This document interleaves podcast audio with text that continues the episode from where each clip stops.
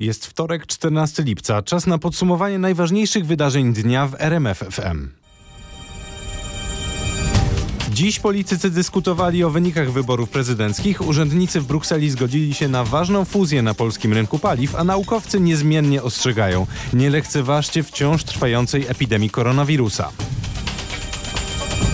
O tym wszystkim, ale również e, o ważnym orzeczeniu Trybunału Konstytucyjnego, o ważnej wizycie politycznej, jak również i rocznicy historycznej, pewnej dużej bitwy średniowiecznej. Usłyszycie, zostając ze mną. Podsumowanie najważniejszych wydarzeń dnia w RMFFM. Karol Pawłowicki, zapraszam. Są takie nazwy, które spędzają sens powiek dziennikarzom. Klwów niewątpliwie jest jedną z nich. To właśnie w tej mazowieckiej miejscowości przed dwoma dniami w wyborach prezydenckich odnotowano najwyższą frekwencję w Polsce. Wybierać głowę państwa poszło tam aż 95% mieszkańców. Co ich zmotywowało? W końcu może ludzie zrozumieli, że to nie tylko przywilej, ale i obowiązek. dobre układy w gminie z, tu z rolnikami, a trochę teraz doszło obiecane samochody, Wozy strażackie. wozy strażackie. Czekamy na wóz. Jestem Nie? strażakiem już z 50 lat, chociaż go zobaczę jak ładny je. Tutaj widzę wiele plantacji papryki w okolicy. To jest taka specjalność tutaj? Papryka to jest, to jest nie tylko nasza gmina, ale potworów, krwów. Jest pani dumna z tego wyniku, z tej frekwencji? No jestem dumna. Niech rządzą, aby dobrze. Z mieszkańcami Klwowa rozmawiał Michał Dobrołowicz. W liczącej prawie 3,5 tysiąca mieszkańców w gminie do urn wyborczych poszli prawie wszyscy, z wyjątkiem zaledwie 144 osób. Świetnego wyniku gratulujemy całemu województwu mazowieckiemu, które tłumnie poszło do urn. Niestety, nie wszystkim w niedzielnych wyborach było to dane. Procedury wyborcze zawiodły Polaków mieszkających za granicą. Wśród nich są Agnieszka Skorupińska i Jarosław Król, na stałe mieszkający w Belgii. E, Złożyłam protest, ponieważ nie otrzymałam pakietu wyborczego do drugiej tury. Miałam wymianę mailową z, z konsulatem e, i odpowiedź, którą dostałam, to em, była taka, że jest to wina poczty. Złożyłem protest wyborczy z poczucia no, bezsilności, dlatego że nie mogłem zrealizować swojego prawa wyborczego, bo pakiet wyborczy do mnie nie doszedł na drugą turę, mimo tego, że na pierwszą owszem. Z Polakami w Belgii rozmawiała Katarzyna Szymańska-Borginą. Każdy, kto czuje się pokrzywdzony wyborczymi procedurami, ma prawo przez kolejne kilkadziesiąt godzin składać protesty właśnie do Sądu Najwyższego. Z tego prawa skorzystała też Koalicja Obywatelska. Jej politycy uruchomili portal, który ma ułatwić składanie protestów. Tym, którzy chcą złożyć protest samodzielnie, strona protestwyborczy2020.pl, o której mowa, podsuwa odpowiednie formularze i instrukcje. Ci, którzy własnego protestu składać nie chcą, ale zetknęli się z nieprawidłowościami, mogą podzielić się na tej stronie swoją wiedzą. Wiemy, z jakim wrogiem się mierzymy. Wiemy, że PiS e, użyje wszelkich środków po to, żeby w Polsce demokracja przegrała, a my musimy zrobić wszystko, żeby demokracja wygrała. I dlatego dzisiaj tak ważny jest ten obywatelski zryw w kierunku sprawdzenia ważności wyborów. Zachęcał szef sztabu Rafała Trzaskowskiego Cezary Tomczyk. Czasu na działanie jest niewiele. Sztabowcy przypominają, że skrócony specustawą wyborczą czas na złożenie protestów upływa już w czwartek. Warszawa, Tomasz Skory. Oprócz internetowego sprzeciwu będzie też ten na papierze w Sejmie. E, PO zapowiedziała wniosek o odwołanie ministra spraw zagranicznych Jacka Czaputowicza. Potwierdziła to poseł Agnieszka Pomaska, gość Marcina Zaborskiego w rozmowie w samo południe w RMFFM. no, Ministerstwo Spraw Zagranicznych bagatelizowało bałagan, a być może uznało, że ten bałagan jest ich kandydatowi Andrzejowi Dudzie na rękę. To, to nie jest konsekwencją naturalną to, że ten wniosek o wotum nieufności powinien być już napisany, czy Oczywiście- powinien być nie, pisany? Oczywiście uważam, że taki wniosek powinien być złożony. Natomiast na, tej, na tym posiedzeniu Sejmu mamy wniosek wotum nieufności wobec, y, jeśli dobrze pamiętam, wobec ministra Kamińskiego i ministra Wąsika. E, Więc wszystko po kolei, ale nie mam żadnych wątpliwości, że Ministerstwo Spraw Zagranicznych na czele z ministrem spraw zagranicznych, nieobecnym wtedy, kiedy jego interwencja co do tego, jak odbywały się wybory za granicą, była potrzebna, że tak, minister, minister spraw zagranicznych powinien podać się do dymisji. Zakładam, że tego nie zrobi, wtedy złożymy oczywiście wniosek o wotum nieufności. Nie wygląda jednak na to, by wniosek miał szansę w Sejmie. Powodów do protestów nie widzą politycy PiS, którzy dysponują większością w Izbie Niższej. No właśnie, mimo tej większości posłowie PiS wciąż nie znaleźli sposobu na odwołanie Mariana Banasia. Prezes NIK odsunął dziś wiceprezesa tej instytucji, Tadeusza Dziubę, od nadzoru nad kontrolami. W czwartek prezes NIK wysłał do marszałek Sejmu wniosek o odwołanie Dziuby i zawiadomienie do prokuratury dotyczące możliwości nadużycia uprawnień przez wiceprezesa. To ciąg dalszy zamieszania wokół NIK. Pancerny Marian, jak zwą go współpracownicy, został bohaterem głośnego reportażu superwizjera TVN, w którym dziennikarze ujawnili, że Banaś jest właścicielem krakowskiej kamienicy mieszczącej pokoje na godziny. Politycy PiS odcięli się w tej sytuacji od poparcia polityka z własnego zaplecza, a głos w jego sprawie w marcu w RMFFM zabrał sam prezes PiS Jarosław Kaczyński.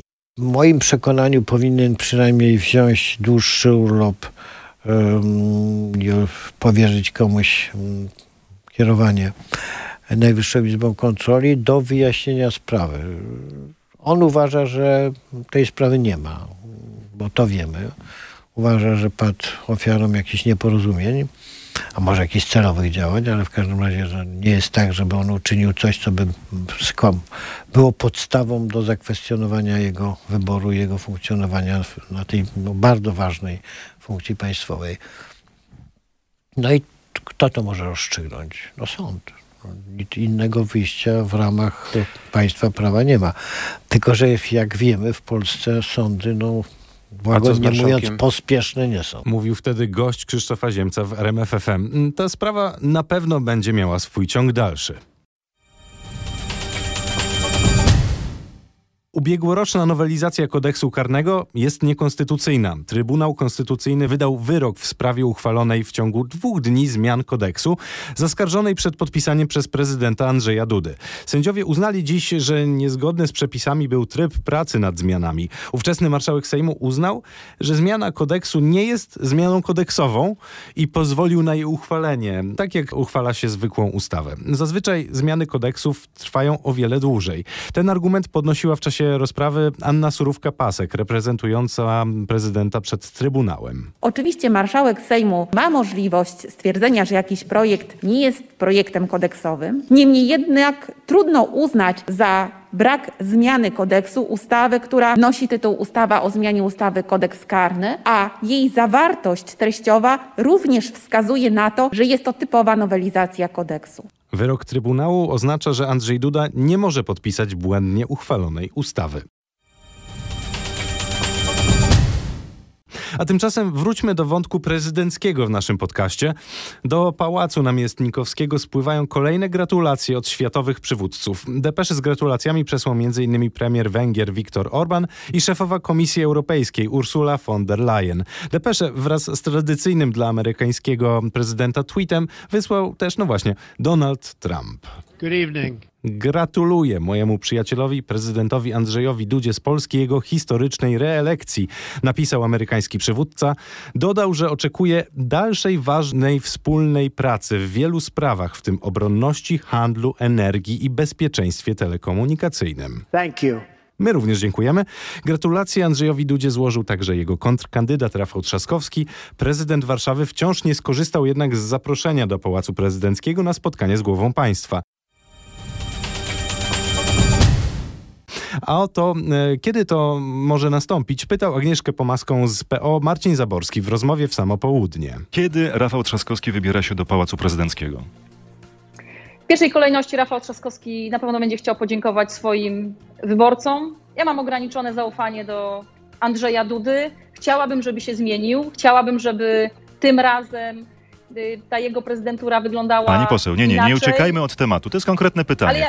Ale E, Rafał Trzaskowski zapowiedział jeszcze w niedzielę wieczorem, że jak najbardziej to spotkanie powinno się odbyć, kiedy Państwowa Komisja Wyborcza przedstawi oficjalne wyniki wyborów. PKW wyniki przedstawiła. Stąd pytam raz jeszcze, kiedy Rafał Trzaskowski wybiera się do Pałacu Prezydenckiego na zaproszenie Andrzeja Dudy? No to wymaga zgrania terminów. Y, W pierwszej kolejności uważam, że Rafał Trzaskowski powinien podziękować swoim wyborcom. Zrobił Takie to już? podziękowanie szykujemy. A jeszcze Takie raz będzie dziękował.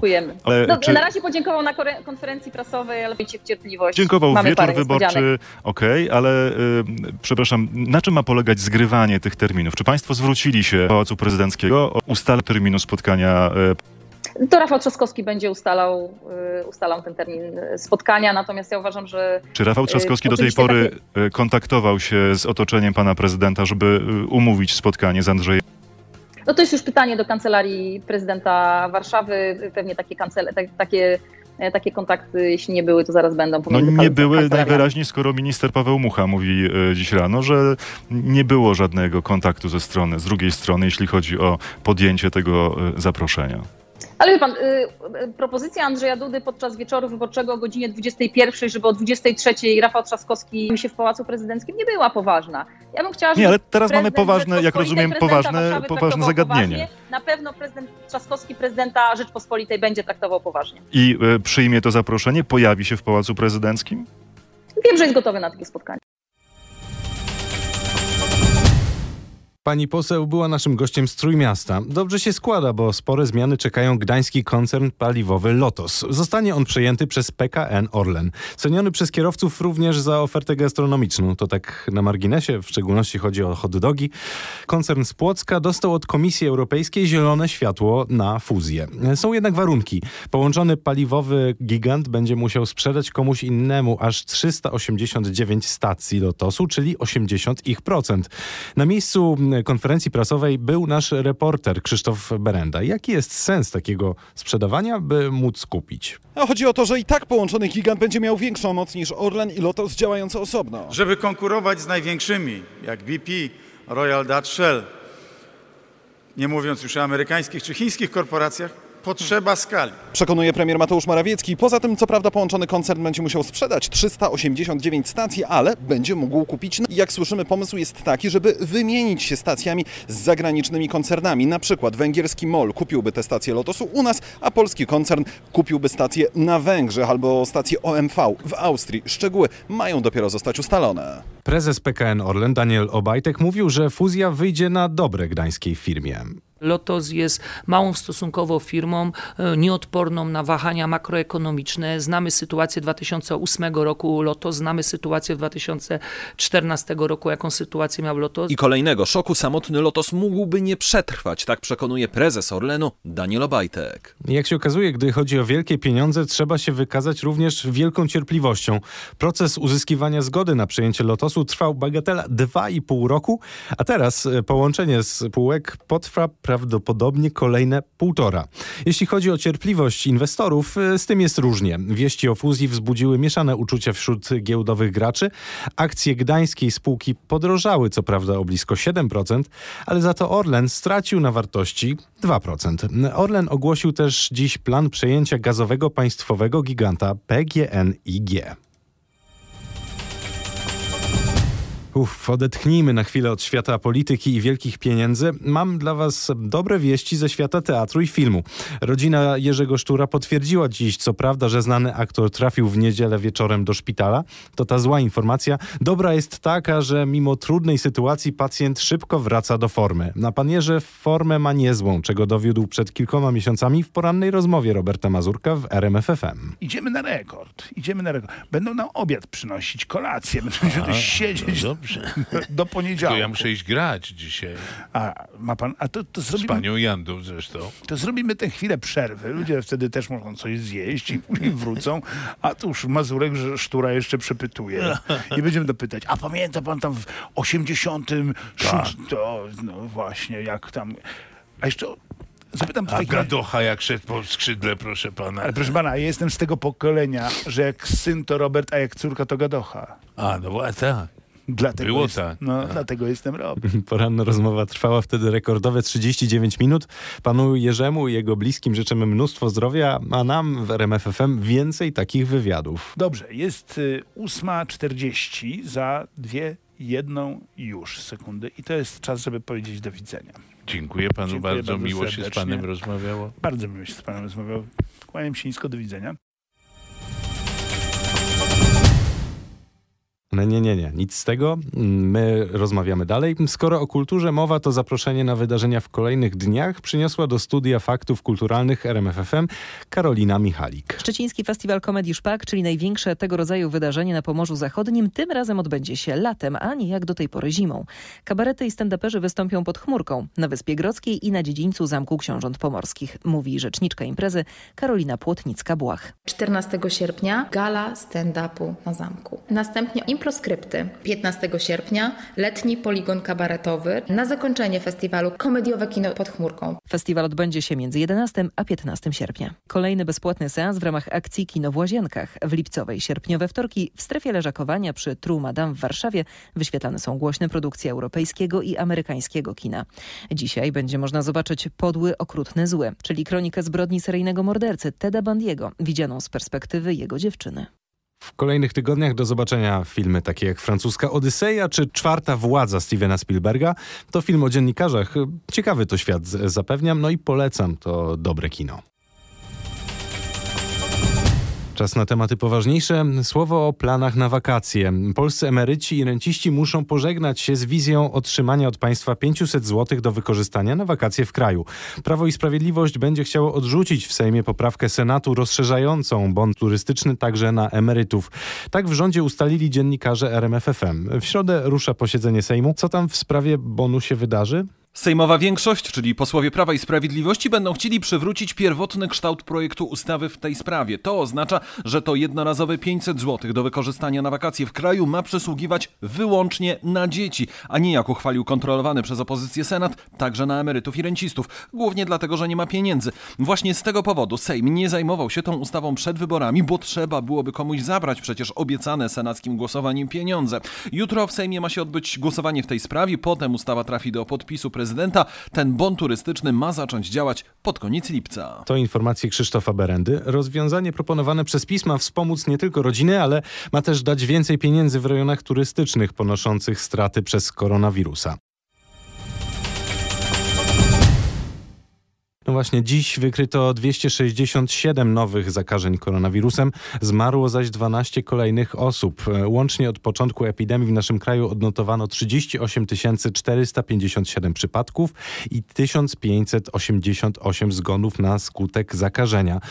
Rektorzy uczelni medycznych z całej Polski apelują do polityków o odpowiedzialność za słowa w sprawie walki z epidemią COVID-19. Jak się dowiedzieliśmy, profesorowie napisali list otwarty, w którym zwracają uwagę, że stwierdzenia o przezwyciężeniu epidemii w Polsce i mniejszej aktywności wirusa w okresie letnim są zdecydowanie przedwczesne. Myślę, że to jest apel i przypomnienie, że, że jednak ciągle epidemia trwa i wbrew niektórym zapowiedziom, które się pojawiały w mediach w ostatnim czasie, no ciągle nie możemy powiedzieć, że daliśmy sobie radę i nie mamy problemu z COVID-em. Apelujecie do wszystkich polityków, czy do, generalnie do osób publicznych, aby w sposób stonowany, bardziej taki właśnie odpowiedzialny wypowiadały się w mediach? Myślę, że zawsze media mają ogromną siłę przekazu i są w stanie nakłonić do dobrego i do złego. I jeżeli tutaj politycy i media będą zajmowały jednoznaczne stanowisko, że jednak my musimy się społecznie dystansować, nie możemy być zbyt blisko drugich osób, szczególnie tych nieznanych, że powinniśmy jednak nosić maski,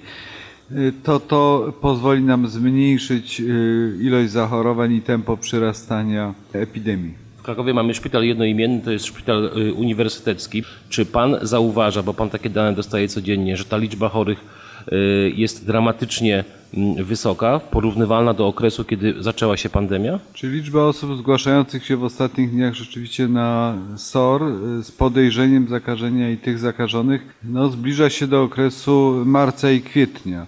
Liczbę chorych mamy ciągle w szpitalu nieco mniejszą niż w tym najgorszym okresie, ale no powiedzmy rośnie w sposób niebezpieczny i trudno mi powiedzieć, co będzie za kilka tygodni. Mówił profesor Tomasz Grodzicki, prorektor Uniwersytetu Jagiellońskiego do spraw Collegium Medicum, z którym rozmawiał Marek Balawajder. Koniec lokalnych obostrzeń w związku z epidemią zapowiedziały władze Szczecina. To ważna informacja dla kierowców w tym mieście. Od wtorku włączone są parkomaty strefy płatnego postoju. W zasadzie to też jest ważna informacja dla turystów. Przerwa w działalności strefy płatnego parkowania trwała dokładnie 122 dni. Ci, którzy wykupili abonamenty nie stracą, zapowiada Wojciech Jachim, rzecznik spółki nieruchomości i opłaty lokalne. O tyle zostaną wydłużone opłaty abonamentowe które rozpoczęły się przed epidemią. Nie trzeba tego w żaden sposób bezpośrednio w biurze poświadczać. E, możemy sami ustalić ten nowy termin ważności opłaty wchodząc na stronę spp.szczecin.pl. Tam jest do pobrania prosty plik Excel, który umożliwia ustalenie aktualnego terminu ważności opłaty abonamentowej bądź zryczałtowanej. Mówił Anecie Łuczkowskiej Wojciech Jachim. Niepotrzebna jest nowa naklejka abonamentowa. Kontrolerzy strefy będą mieć aplikację wyliczającą wydłużony termin upływu ważności abonamentów. Pandemia COVID-19 komplikuje plany organizatorom pewnej rocznicy. O tym w podsumowaniu dnia już teraz. Chodzi oczywiście o środową rocznicę bitwy pod Grunwaldem. W tym roku nie będzie tradycyjnej inscenizacji tej największej średniowiecznej bitwy, a okazja byłaby świetna, bo mija 610 lat od wielkiego zwycięstwa wojsk króla Władysława Jagieły nad Krzyżakami. Powtórzcie raz jeszcze moje rozkazania. Ty wielki kniaziu? Wojska litewskie na prawym skrzydle pod Stębarkiem. Ty bracie Linkwenie? Smoleńskie pułki. Bliżej polskiego skrzydła. Mścisławskie na środku chorągwi litewskich. Poczet nowogrodzki przy mnie. Nie wygląda na to, by o tym samym dyskutowali politycy, którzy jutro zjawią się na polach pod Grunwaldem, a będą to prezydenci i premierzy Polski i Litwy. Ta wizyta spowoduje utrudnienia dla odwiedzających. Przede wszystkim, żeby przestrzegać e, odległości dwóch metrów, a jeśli to niemożliwe, to używać maseczek. Pamiętajmy o tym, że cały czas e, działamy i pracujemy w warunkach pandemii. E, po drugie, że w związku z przybyciem najważniejszych osób w państwie mogą występować czasowe utrudnienia utrudnienia w dojeździe do pól Grunwaldu, bo niektóre drogi będą czasowo wyłączane z użytku. E, po trzecie wreszcie mm, informuję, że całe muzeum w związku z e, okolicznościami musiało zostać wyłączone do, ze zwiedzania w dniu jutrzejszym. Z dyrektorem Muzeum Bitwy pod Grunwaldem Szymonem Drejem rozmawiał nasz reporter Piotr Bułakowski. Litewski prezydent e, będzie gło pierwszą głową państwa, która odwiedzi Polskę od czasu wybuchu pandemii koronawirusa. Więcej o wizycie obiecuje w jutrzejszym podsumowaniu. Wielki mistrz Ulryk von Jungingen wzywa twój majestat pani, księcia Witolda, na bitwę śmiertelną. Jaby męstwo wasze, którego wam widać brakuje, podnieść, ślę wam te dwa nagie miecze. Nagich mieczy grunwaldzkich co prawda nie znaleziono, ale polskie muzea mogą poszczycić się coraz pokaźniejszą kolekcją eksponatów. Muzeum Historii Polski ogłosiło właśnie, że dzięki wsparciu Ministerstwa Kultury wzbogaci się o egzemplarz maszyny szyfrującej Enigma. Została ona skonstruowana przez polski e, wywiad. Enigma zostanie przekazana muzeum przez Instytut Piłsudskiego w Londynie. Dzięki umowie z Instytutem w przyszłej siedzibie Muzeum Historii Polski zostanie pokazany zarówno niemiecki oryginał Enigmy, jak i jego kopia wytworzona przez polski wywiad w Wielkiej Brytanii. O właśnie czas na informacje z zagranicy, choć zostajemy na Wyspach Brytyjskich. Będzie nowy rodzaj wizy dla ludzi poszukujących zatrudnienia w Wielkiej Brytanii po Brexicie. Dotyczy osób z Unii Europejskiej pragnących zarabiać w brytyjskich szpitalach i domach opieki. Ale jak donosi nasz korespondent, przedstawione przez rząd Borisa Johnsona plany wydają się sprzeczne z nowymi zasadami imigracyjnymi. Więcej o tym z Londynu Bogdan Frymorgan. Punktowy system imigracyjny, który obowiązywał będzie od przyszłego roku, preferuje ludzi wykwalifikowanych, dobrze mówiących po angielsku i już posiadających ofertę pracy z pensją w wysokości przynajmniej 20,5 tysiąca funtów rocznie. Proponowany nowy rodzaj wizy skierowany jest jednak w większości do niewykwalifikowanych pracowników, którym nowy system imigracyjny ma utrudniać przyjazd do Wielkiej Brytanii. Jednym z podstawowych założeń Brexitu było przywrócenie kontroli nad granicami i ograniczenie liczebne poziomu imigracji. Jak zauważają komentatorzy, zarówno nowy system, jak i proponowany rodzaj wizy tego nie gwarantują. Nie wspomogą także brytyjskiej służby zdrowia. Teraz o tych trochę dalszych podróżach. Zjednoczone Emiraty Arabskie przełożyły na czwartek rozpoczęcie misji na Marsa z powodu warunków pogodowych. Poinformowały we wtorek służby prasowe rządu Emiratów. Sonda Al-Amal, co po arabsku znaczy nadzieja, ma dostarczyć obraz zmian temperatury w atmosferze czerwonej planety. Sonda ma zostać wystrzelona w przestrzeń kosmiczną z wyspy Tanegashima na południu Japonii we wtorek o godzinie 22 dokładnie czasu polskiego. A więc e, pozostaje pozostaje mieć e, nadzieję, że Al-Amal poleci bez przeszkód za kilkadziesiąt e, godzin z japońskiej wyspy. Sprawdziłem w Zjednoczonych e, Emiratach Arabskich jutro słonecznie, 38 stopni, w czwartek również słonecznie i e, trochę cieplej, 41 stopni na plusie. To się dopiero nazywa lato, a jak przedstawia się prognoza na środę dla Polski, będzie ciut, no właśnie w zasadzie przyjemniej. W dzień zachmurzenie małe i umiarkowane, na południu i wschodzie możliwy przelotny deszcz. Uwaga w Tatrach, e, tam po południu burze. Od 22 stopni na Pomorzu Zachodnim i w Bieszczadach do 27 na Opolszczyźnie i w Wielkopolsce. I tak wyglądał wtorek, 14 lipca. W RMF FM fakty co godzinę przez całą dobę. Zajrzyjcie też na stronę rmf24.pl. Dobrej nocy i do usłyszenia jutro. Karol Pawłowicki.